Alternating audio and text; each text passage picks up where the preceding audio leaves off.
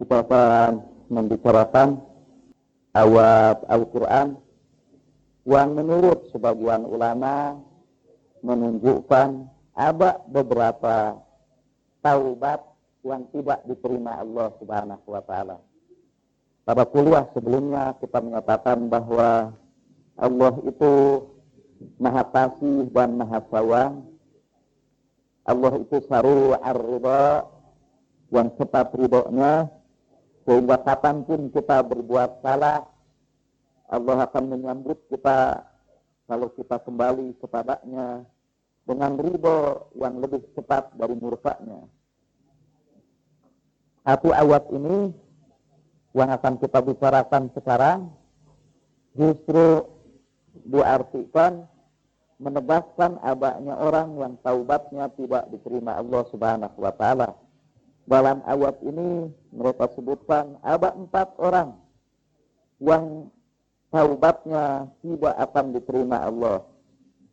Sehingga kalau tiba-tiba kita masuk kepada kelompok orang yang taubatnya tidak diterima, kita bisa jadi mengambil sikap seperti panglimanya Harun Ar-Rasyid itu yang memutuskan aja tidak perlu puasa, tidak perlu salat, toh taubat saya tidak akan diterima Allah Subhanahu wa taala.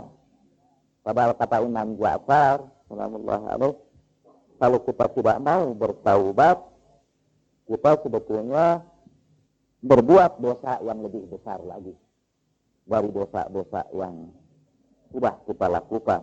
Dan itu lebih seperti Panglima Harun Ar-Rasyid itu dosa dua membunuh 70 orang dari keluarga Rasulullah Shallallahu Alaihi Wasallam masih lebih kecil dibandingkan dengan dosanya putus asa dengan rahmat Allah Subhanahu Wa Taala tidak mau bertaubat di dalam beberapa Al-Quran disebutkan bahwa orang yang putus asa baru rahmat Allah itu, yang merasa tidak perlu bertaubat itu, suatunya sudah kafir. Jadi kalau ada orang mengatakan, Tuhan tidak bakal mengampuni saya lah. Terlalu besar dosa saya. Tuhan tidak bakal mengampuni saya. Kalau dia mengatakan begitu, dia kufur. Dia sudah kafir. Menurut Al-Quran, ini surat Yusuf awal 87. La taw'asu min rawhillah. Innahu la rawhillahi illa laqawmul kafirun. Janganlah kamu putus asa bau rahmat Allah. Sesungguhnya orang yang putus asa bau rahmat Allah itu adalah kaum yang kafir. Surah Al-Quran sendiri menyebut yang putus asa dari kasih sayang Allah itu adalah orang kafir. Lalu tapi gimana ini dengan awak yang kita bicarakan sekarang ini? Innama taubatu ala Allahi lillazina ya'maluna su'a bijahalatin ثم وقوبون منقروب فأولئك وقوب الله عليهم وكان الله عليما حكيما.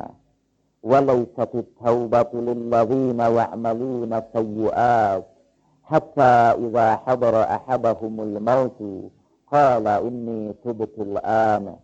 وللذين يموتون وهم كفار أولئك عتبنا لهم عذابا عليما Jadi yang pertama Tuhan berkata sesungguhnya taubat itu bagi Allah hanyalah untuk Buatnya kalau ada kata innama, kata itu dalam bahasa Arab itu disebut abatul hasr. Jadi sebuah kata untuk menunjukkan pembatasan. Kalau itu sering terjemahkan sesungguhnya hanyalah gitu terjemahkannya pakai hanyalah. Innama taubatu Allah sesungguhnya taubat itu bagi Allah hanyalah lilladzina ya'maluna su'a bijahalah untuk orang yang melakukan kejelekan karena ketidaktahuan, karena jahalah. Gimana kalau ada orang yang melakukan keburukan diilmin dengan ilmu. Jadi dia tahu itu buruk. Nah itu tidak diterima Allah taubat. Jadi kalau Anda melakukan perzinahan, dan Anda tahu zina itu diharamkan Allah Subhanahu wa taala, dan Anda lakukan, itu tidak melakukan su'a bijahalah, itu melakukan su'a bi'ilmin. Aballahu Allahu ala ilmin.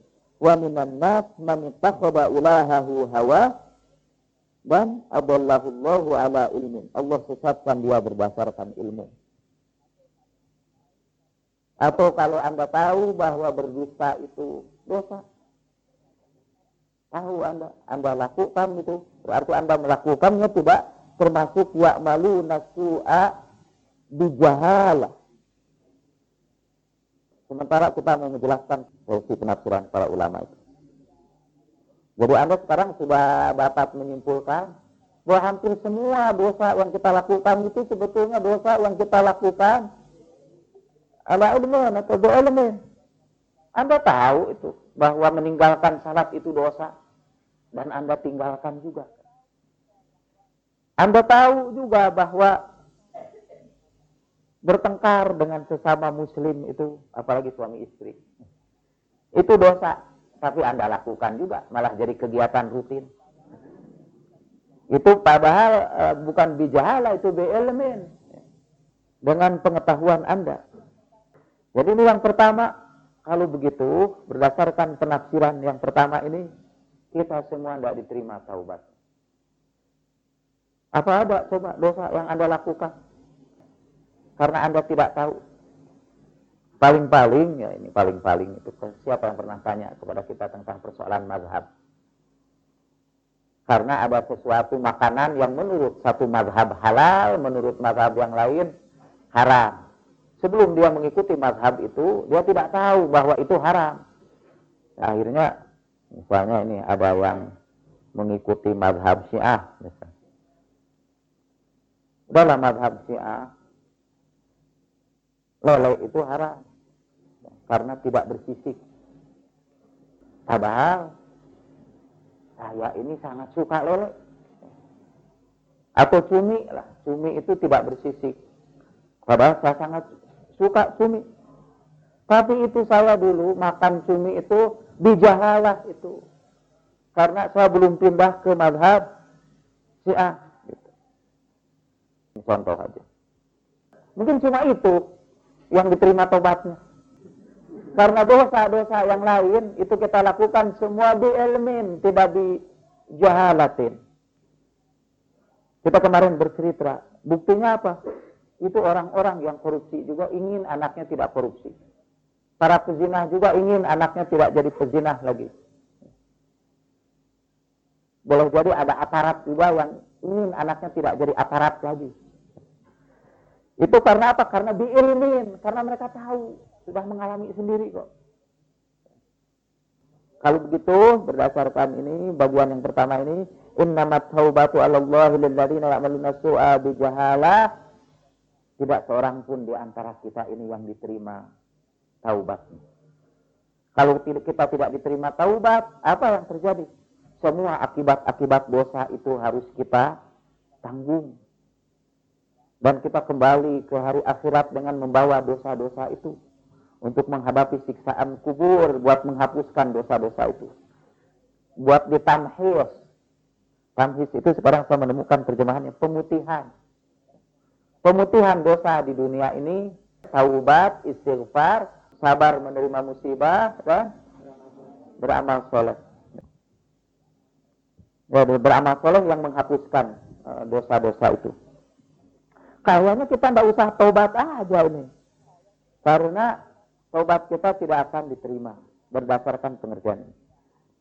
Baik teruskan yang kedua. Summa kemudian yatubu namin kharibin Kemudian dia bertaubat min qaribin dengan segera. Fauran kalau bahasa Min qaribin ay fauran. Immediately. Promptly. Without delay. Segera. Pada waktu itu juga. Tanpa ditangguhkan. Min qaribin. Itu berarti bahwa orang yang menangguh-nangguhkan taubatnya Dia berbuat dosa pada waktu muda. Dia tangguhkan terus taubatnya. Dan baru pada usia tua dia bertaubat. Dia menangguhkan taubatnya. Itu tidak diterima taubatnya. Kalau di sini disebutkan yatubuna min qaribin. Faulaika yatubullahu alaihim. Itulah yang Allah ampuni dosa-dosa.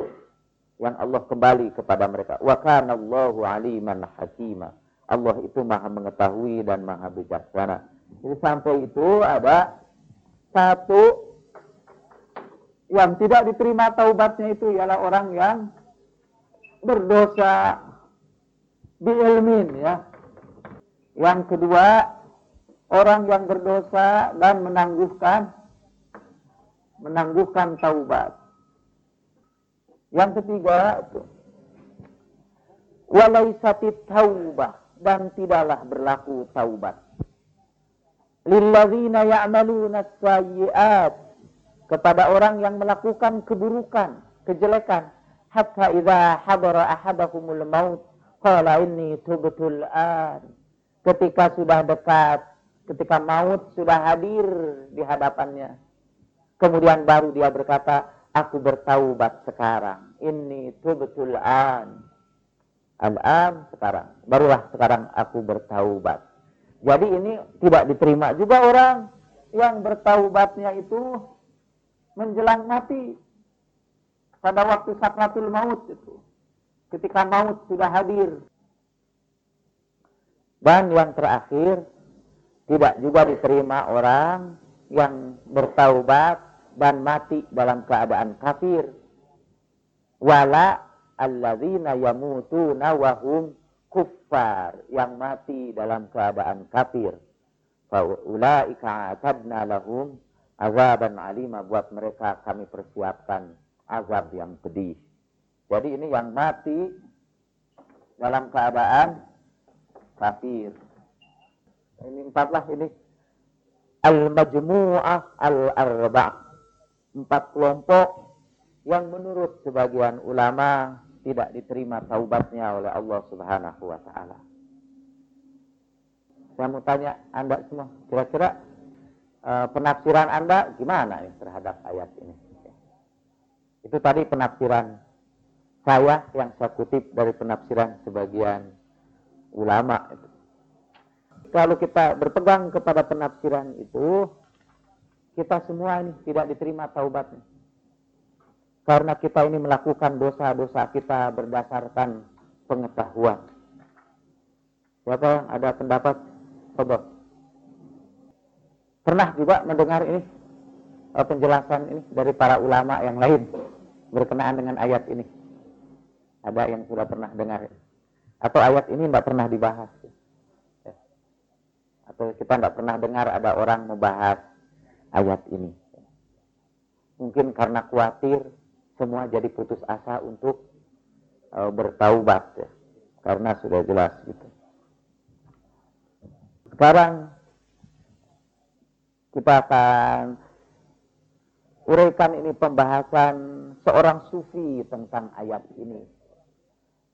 Kata mereka, kalau ayat itu seperti yang tadi kita ceritakan, maka ayat ini akan menimbulkan kita putus asa akan rahmat Allah. Dan kalau kita putus asa pada rahmat Allah, kita menurut Al-Quran akan menjadi kafir. Jadi ayat ini bertentangan dengan ayat yang lain. Yang menyuruh kita ini untuk bertaubat kepada Allah kapan saja. Betapapun banyaknya dosa-dosa kita. Setiap saat Allah masih akan menerima kita. Dan yang kedua, kalau ditafsirkan seperti tadi, ini menutup pintu taubat sama sekali. Karena hampir semua kita ini termasuk kepada kelompok ini. Paling tidak, katakanlah kita ini semua hanya melakukan dosa karena tidak tahu aja dengan pengertian tadi. Sebetulnya kalau orang melakukan dosa tidak tahu menurut Al-Quran tidak berdosa itu. Kalau tidak tahu itu dosa, menurut Al-Quran itu tidak dianggap dosa. Kalau tidak tahu. Jadi karena itu tidak perlu taubat. Ya.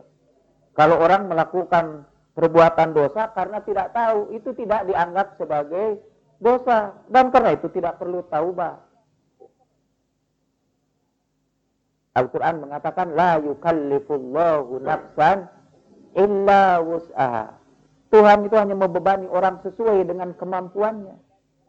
Apa kalau dia tidak tahu itu dosa, dia tidak tidak berdosa. Sebelum dia tahu dosa.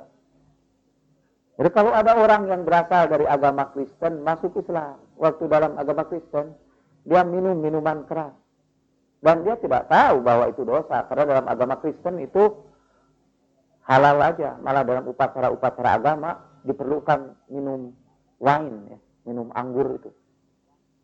Termasuk bagian dari ibadah itu minum uh, minuman keras itu. Nah, lalu masuk Islam.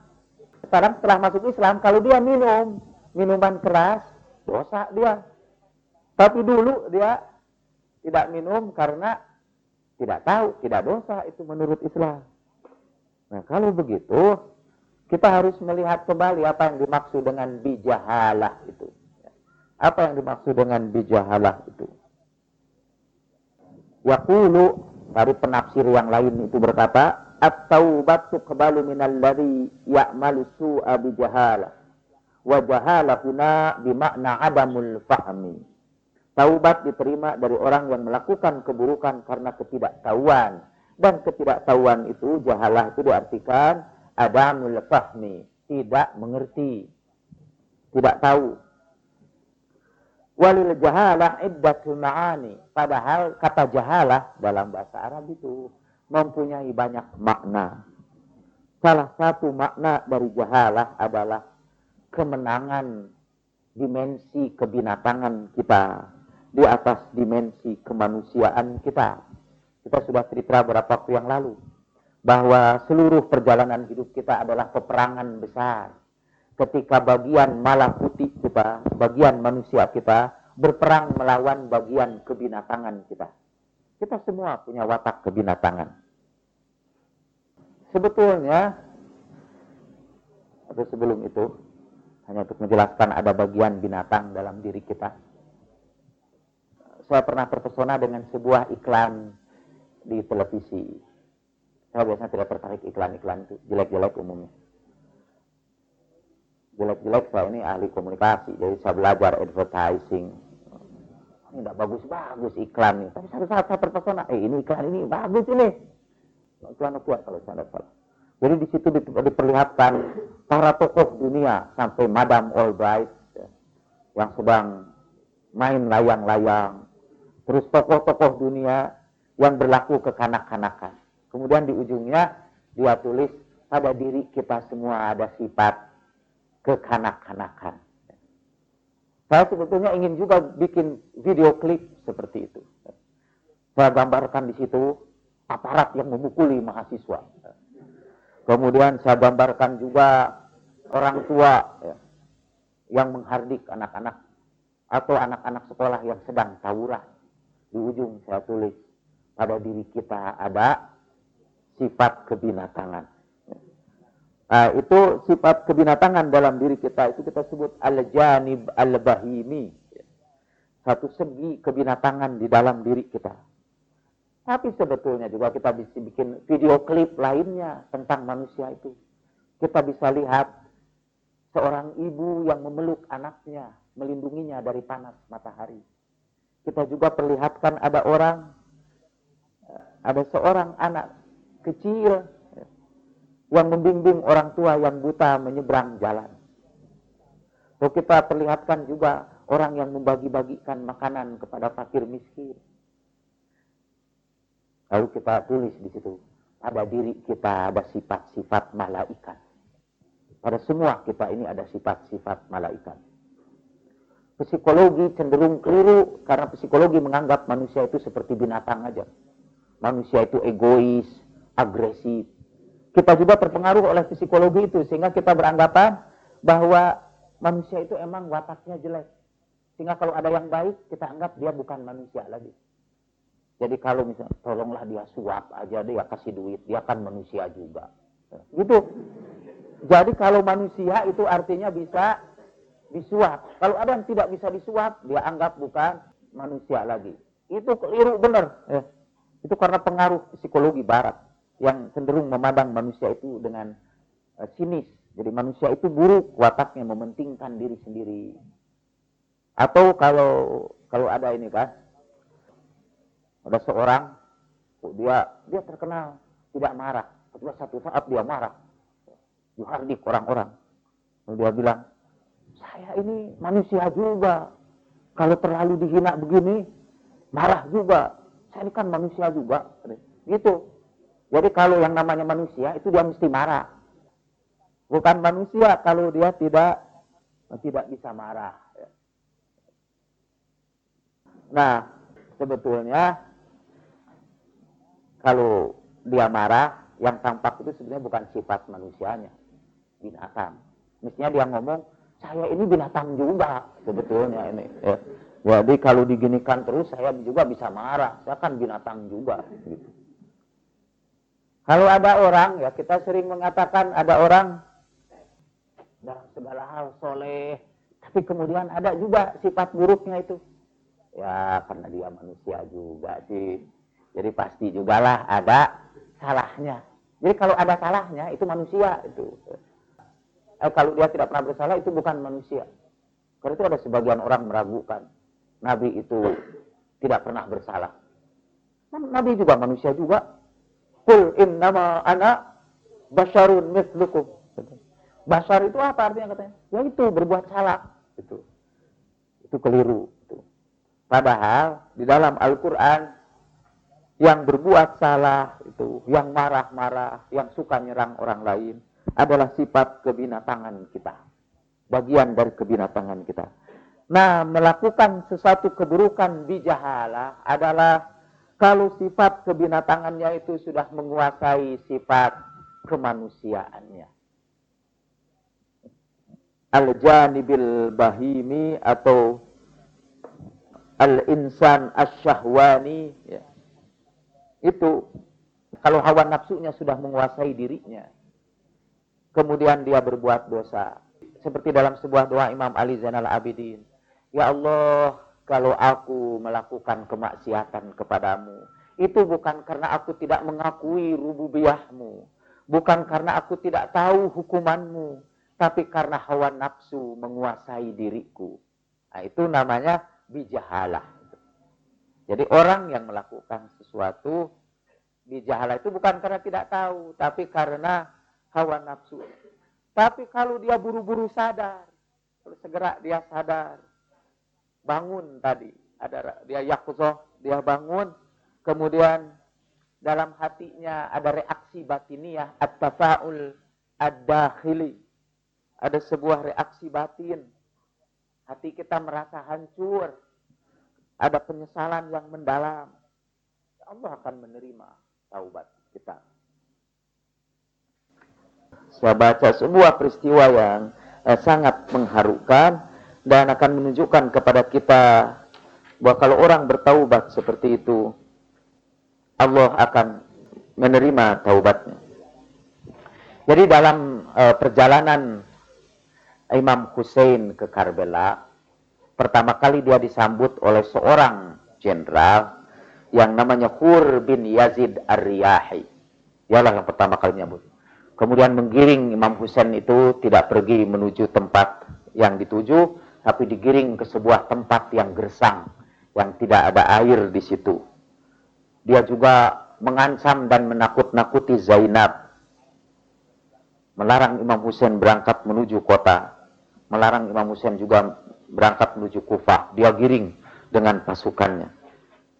Sampai pada satu hari yang sangat menentukan itu pada tanggal 10 Muharram Imam Hussein dikepung oleh pasukan pasukan kaum muslimin juga di samping pasukan Hur bin Yazid ada pasukan tambahan. Hur itu terkejut ternyata pasukan yang didatangkan itu bertujuan bukan lagi menghalangi Imam Hussein tapi mau membunuh Imam Hussein dan seluruh keluarganya. Pada saat yang seperti itu, pada hari sebentar lagi akan terjadi pertempuran yang besar, Orang-orang menyaksikan Hur, sang jenderal itu, berguncang tubuhnya di atas kendaraannya.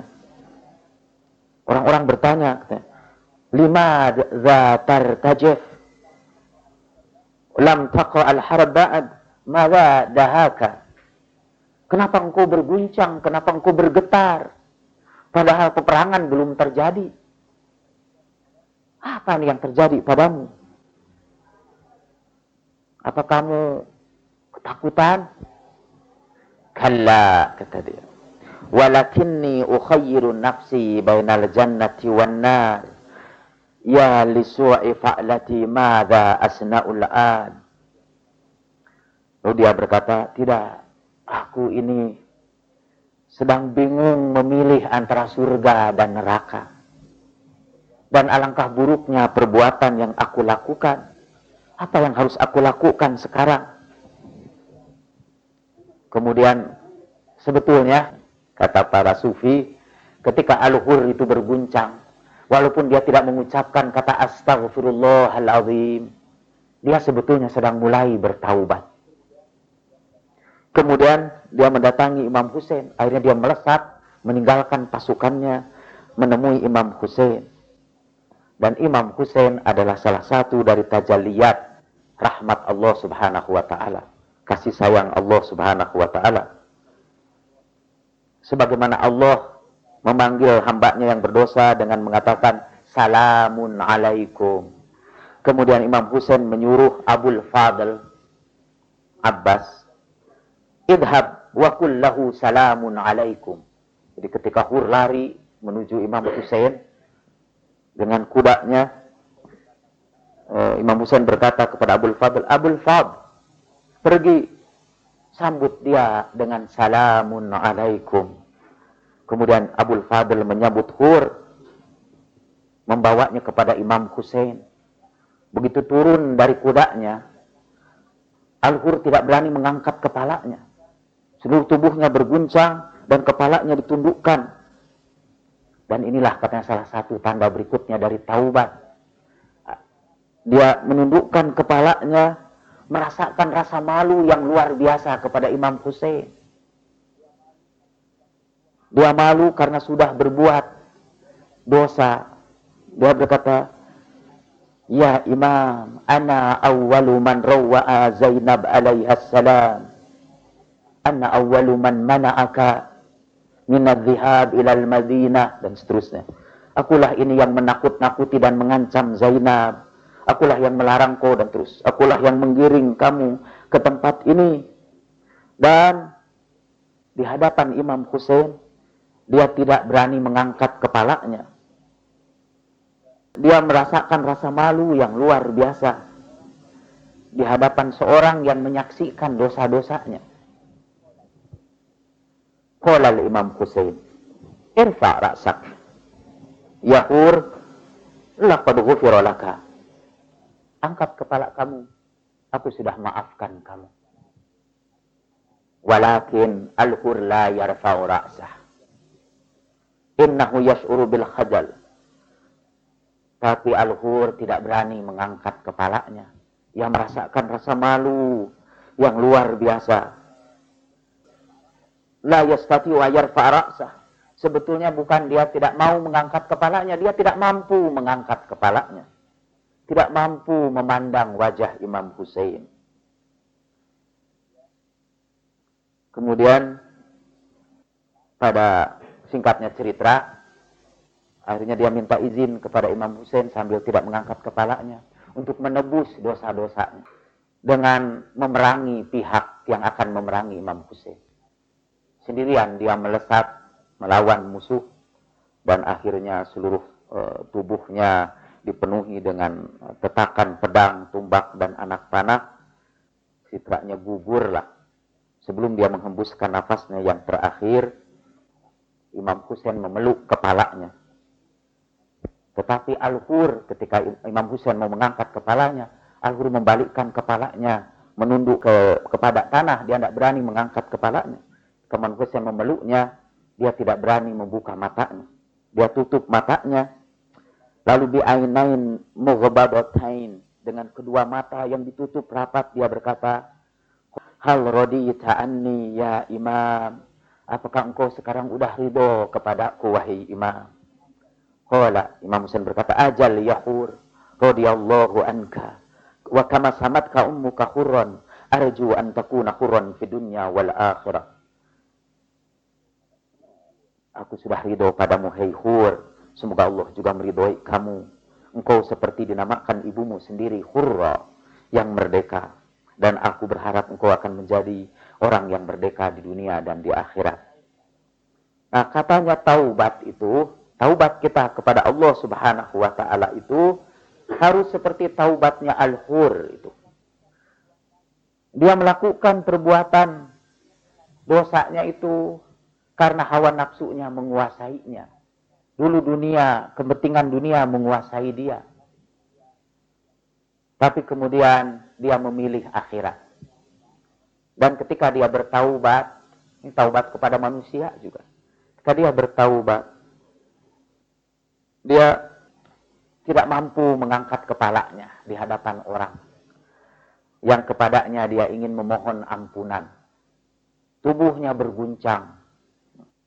Air matanya berlinang Nah sebetulnya siapa saja itu yang setelah berbuat dosa datang ke haribaan Allah Subhanahu wa taala, dia tundukkan kepalanya, tubuhnya berguncang, dia memiliki rasa malu yang luar biasa di hadapan Allah Subhanahu wa taala, itu Allah akan menerimanya. Sebelum dia datang juga Allah sudah mengirimkan salam kepadanya. Salamun alaikum. Salam bagi kamu. Kemudian yang kedua, ini sebetulnya ayat ini tidak menunjukkan orang-orang yang tidak diterima taubatnya. Ini apa yang dalam bahasa Arab disebut sofaratu inzar. Ada early warning device, ya. ada alat untuk memberikan peringatan awal. Ini syafaratu inzar adalah warning siren. Kalau ada mau ada kebakaran, kan ada asap sedikit saja kan sering bunyi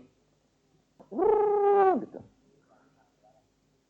Di rumah-rumah di barat itu kadang-kadang dilengkapi dengan alat itu smoke detector. Kalau ada yang merokok langsung bunyi. Jadi tanpa disuruh pun orang akhirnya tidak merokok juga karena jadi bikin bising. Nah, ini sebetulnya ayat ini adalah warning siren. Sirine yang memberikan peringatan kepada kita yang kedua ini Tuhan memberikan peringatan ini kepada orang yang menangguh-nangguhkan taubatnya. Mengapa diberi peringatan? Sebab kalau orang itu sudah lama menangguhkan taubatnya, ada dua bahaya yang akan terjadi kepadanya. Bahaya pertama dia melupakan dosanya. Dan kedua, dia keenakan di dalam dosa itu. Bahkan akhirnya ada perasaan dia tidak berdosa sama sekali. Dan karena dia tidak merasa berdosa, tentu dia tidak merasa harus pergi ke seperti orang yang menderita penyakit. Karena ada bedanya orang yang sakit jiwa dengan yang sakit fisik. Yang sakit fisik itu biasanya bisa kita bawa ke dokter, malah yang bersangkutan pun sadar sendiri pergi ke dokter untuk mengobati penyakitnya. Tapi orang yang sakit jiwa tidak merasa dia sakit. Sehingga jarang ada orang sakit jiwa datang sendiri saya sakit jiwa, minta diobati. Itu harus orang yang sehat yang membawa dia ke dokter. Nah, begitu pula orang yang sudah terlalu lama terbiasa di dalam dosa. Kalau orang melakukan dosa pertama kali, dia tidak enak. Tapi kedua kalinya, dia mulai merasakan keenakannya. Saya tertarik mengambil contoh. Kalau orang pertama kali masuk toilet, toilet umumnya di Indonesia, masuk toilet, bau itu. Tapi kalau sudah bertengger di situ, udah merokok, baunya segini, malah dia menikmati, bisa berlama-lama di situ. Nah itu dosa itu kalau ditangguhkan taubatnya, nanti akan menjadi kebiasaan. Kalau kebiasaan itu diteruskan, dia akan jadi bagian dari kepribadian kita. Dan kalau sudah jadi bagian dari kepribadian kita, kita tidak ada niat lagi untuk bertaubat. Gak ada. Nah jangan kata kamu itu sampai begitu. Itu peringatan dari Tuhan. Kalau kamu berbuat dosa, buru-buru kamu bertaubat. Dan taubat itu akan membersihkan dosa-dosa kamu. Kalau tidak, kamu tangguh-tangguhkan, orang itu akhirnya terbiasa di dalam dosanya dan dia tidak mau bertaubat. Sulit bagi dia untuk bertaubat. Walaupun kita suruh bertaubat. Saya juga kemarin menjelaskan seperti orang yang sudah menjadi pecandu zat-zat adiktif. Pada permulaan dia menghisap zat adiktif, dia bingung, seperti orang gila lah. Tidak bisa konsentrasi. Sekian kali dia mencoba, dia merasakan kenikmatan.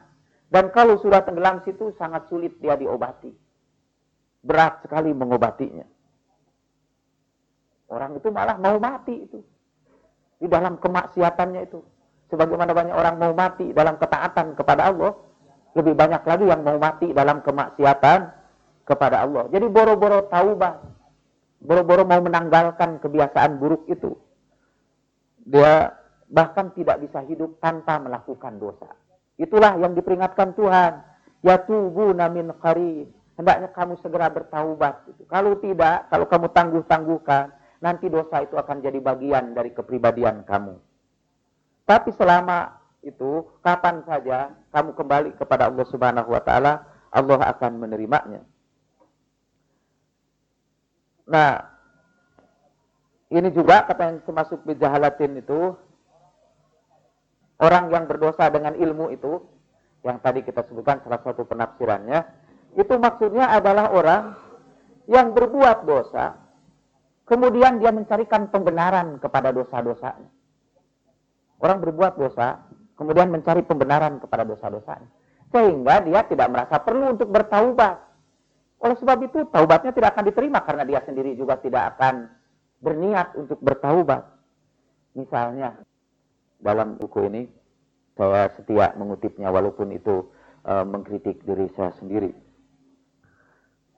Ada dosa yang menyebabkan kita tidak mau bertaubat dari dosa itu. Dosa itu misalnya hasad, dengki. Kalau orang sudah dengki, dan dia sebutkan e, dengki di kalangan para ulama lebih banyak dari kalangan orang awam. Jadi hasud itu di kalangan para ulama lebih banyak dari kalangan orang awam. Dan kalau sudah ulama hasud, dia mulai menyerang pihak yang lain. Dia merasa tidak dosa itu menyerang pihak lain, itu malah merasa benar. Orang bisa mengadakan sebuah seminar untuk mengkafirkan sesama muslim. Memfitnah mereka. Menyebarkan fitnah. Dijadikan buku malah fitnah itu. Disebarkan. Dan mereka tidak merasa berdosa. Malah mereka merasa sedang berjuang menegakkan akidah Islamiyah yang sebenarnya. Nah kalau sudah sampai begitu, itu pintu taubat tertutup. Karena orang yang bersangkutan tidak bakal taubat. Itu tabrir, kebiasaan menjustifikasi kesalahan kita. Terutama ini di kalangan para ulama. Karena mereka tahu ayat-ayat Al-Quran dan hadis. Mereka gunakan ayat-ayat itu untuk membenarkan dosa-dosa yang mereka lakukan. Itulah yang dimaksud katanya orang yang melakukan dosa ilmin dengan ilmu itu yaitu dia berusaha mencari pembenaran atas dosa-dosanya sehingga pada akhirnya dia tidak lagi bertaubat atas dosa-dosanya. Seolah-olah pintu taubat itu tertutup. Bukan Allah yang menutupnya, dia sendiri sebetulnya. Karena sudah terbiasa melakukan dosa, lalu dia mencari pembenaran bagi dosa-dosanya. Kita kan kalau kita juga iri hati kepada orang lain, kita pergunjingkan dia, kita biasanya cari-cari juga dalil. Kan ada sebagian menggunjing yang diperbolehkan, gitu kan? demi kemaslahatan. Gitu. Nah ini saya menggunjing itu demi kemaslahatan. Nah, ada orang memukul istrinya, ya, menyiksa istrinya. Itu dilakukan terus menerus. Kata dia dalam Al-Quran juga perempuan itu mesti dipukul sebagai pelajaran. Dan ini saya memukul itu sebagai pelajaran buat dia. Jadi dosa itu terus menerus dan dia tidak merasa bersalah sedikit pun. Dia lakukan dosa-dosa. Karena itu hindarilah katanya sebuah kekuatan di dalam diri kita yang oleh orang sufi disebut kuatun wahmiyah, yaitu kekuatan untuk mencari pembenaran atas dosa-dosa yang kita lakukan. Kita ini makhluk yang pintar mencari pembenaran buat kesalahan-kesalahan kita. Dan itu biasanya dibantu setan dibisikkan. Yuwas wisu fi sudurin nas minal jinnati wan nas. Kenapa misalnya Anda menghantam Pak Jalaluddin. Dia emang orang sesat ini. Dan kita harus melindungi umat dari kesesatan dia. Tapi kenapa Anda sampai harus menyebarkan fitnah seperti ini? Misalnya ada salah satu fitnah bahwa katanya di sini di Mutahari di Munawaroh ini banyak sekali perempuan yang menderita penyakit kotor karena ganti-ganti pasangan nikah mut'ah.